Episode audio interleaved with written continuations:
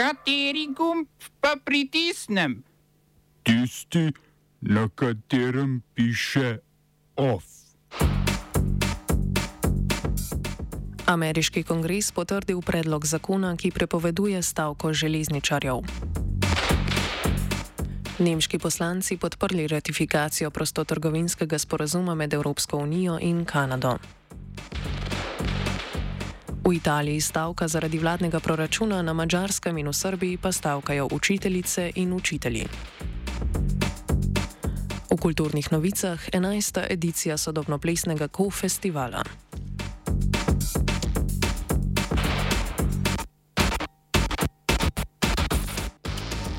V Italiji se je začela splošna stavka, ki nasprotuje vladnemu proračunu za naslednje leto. Stavka skoraj celotna javna uprava, zaposleni v javnem in tudi letalskem ter ladijskem prevozu. Od vlade zahtevajo uskladitev plač s trenutno inflacijo in opozarjajo, da v Italiji plače že dolgo stagnirajo ali celo padajo. Zaradi vse splošne draginje zahtevajo tudi uvedbo minimalne plače na 12 evrov na uro in zamrznitev cen osnovnih živil. Stavka je v večjih mestih že ohromila promet, stavkajoči zagotavljajo, da bodo imeli uporabniki javnega prevoza možnost priti na delo in domov. Stavka je predvidena za 24 ur, a so jo sindikati napovedali tudi v tednu med 12. in 16. decembrom. Takrat se bodo na ulice v nasprotovanju vladnemu vrčevanju podali tudi upokojenci.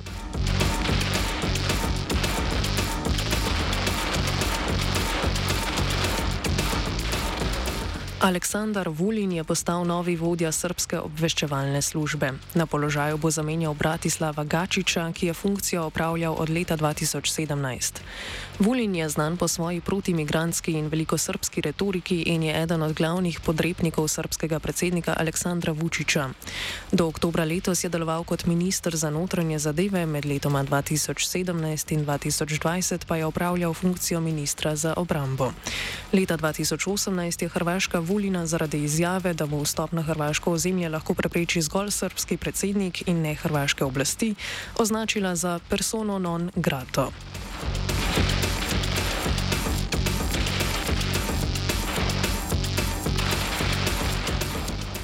Srpske učiteljice in učitelji so stavkali zaradi nasilja v šolah. Stavko je sprožil posnetek dveh dijakov, ki sta fizično napadla učiteljico angleščine v Trsteniku.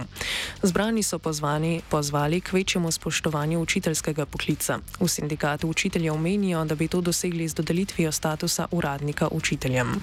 Nasilje v šolah je sicer v Srbiji problem že dlje časa. Po mnenju predstavnice sindikata Gordene Andrič so priča nasilju med učenci, nasilju učencev nad učitelji, pritiske pa naj bi na učence izvajali tudi ravnatelji. Na učitelje izvajali tudi ravnatelji. Raziskava iz leta 2018 je pokazala, da je vsaj 80 odstotkov srpskih učiteljev in učiteljic žrtev nasilja strani učencev.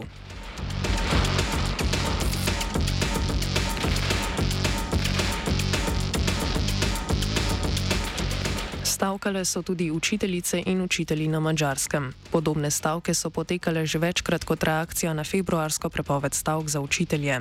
Tokrat so se učiteljice in učitelji na ulice odpravili zaradi odpustitve osmih učiteljev, ki so zahtevali boljše delovne pogoje.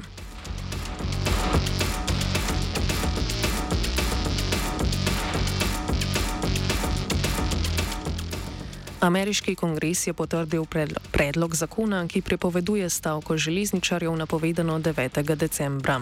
Predstavniški dom je predlog zakona sprejel že v sredo z 80 glasovi za in 15 proti, pa ga je včeraj potrdil še senat.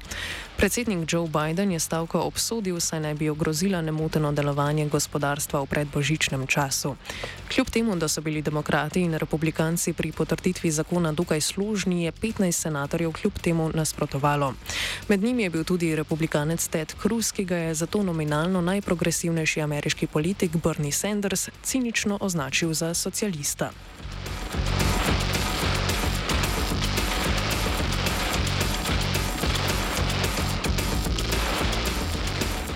Nemški poslanci so s 559 glasovi za in 110 proti podprli ratifikacijo celovitega gospodarskega in trgovinskega sporazuma, krajše CETA med Kanado in Evropsko unijo. Sporazum vključuje odpravo skoraj vseh carin in povečuje kvote nekaterih ključnih proizvodov na obeh trgih. Nemško vrhovno sodišče je vladi Ulafa Šulca že marca prižgalo zeleno luč za ratifikacijo sporazuma v parlamentu.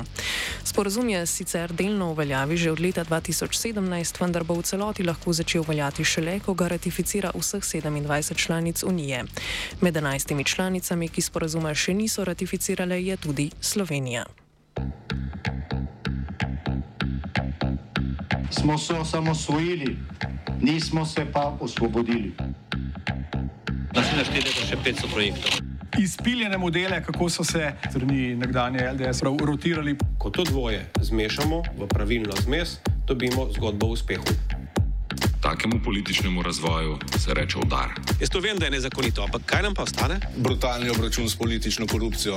To je Slovenija, tukaj je naša zemlja, to je Slovenija, Slovenija.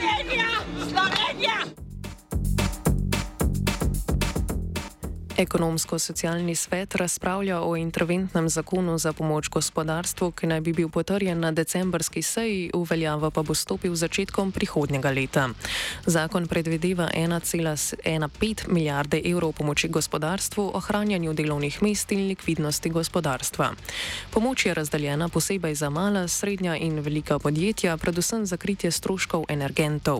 Delovna mesta hočejo ohraniti s subvencioniranjem skrajšanega delovne časa in čakanja čakanja na delo, za likvidnost pa bodo vzpostavili sistem za dajanje posebnih posojil. Zakon bo veljal celo naslednje leto, izplačila pa so predvidena mesečno, razen aprila, ko bo izplačilo pokrilo vse prejšnje tri mesece. Rok za vlogo za pomoč je 28. februarja.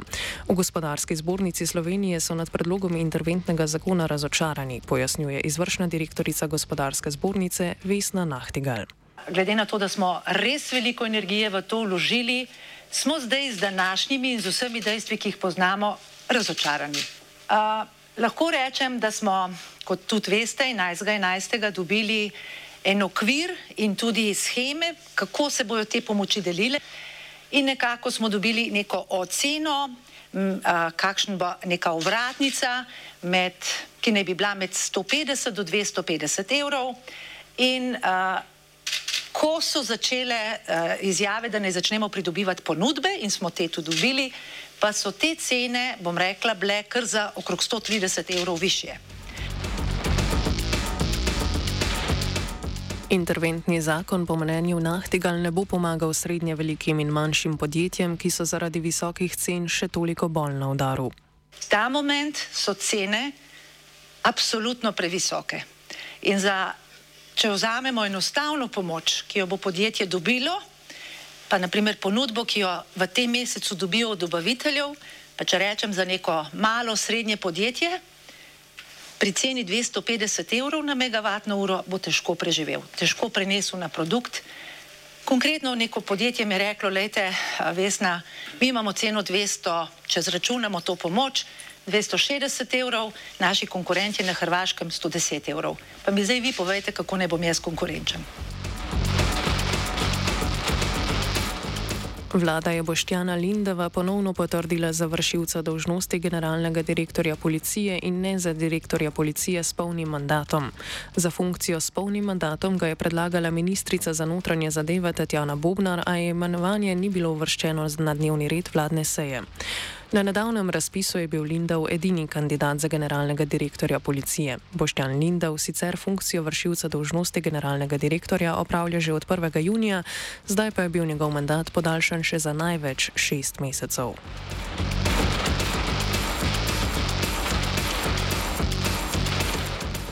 Luka Mesec ostaja ministr za delo, družino, socialne zadeve in enake možnosti. Skladno z izglasovanim zakonom o vladi, ki je bil podprt na nedeljskem referendumu, pa se vzpostavlja tudi Ministrstvo za solidarno prihodnost. Prevzel ga bo Simon Maljevac, ki je do sedaj opravljal funkcijo državnega sekretarja na Ministrstvu za delo. Novo ustanovljeno ministrstvo bo predvidoma začelo z delom januarja, ukvarjalo pa se bo z dolgotrajno oskrbo, stanovansko politiko in ekonomsko demokracijo.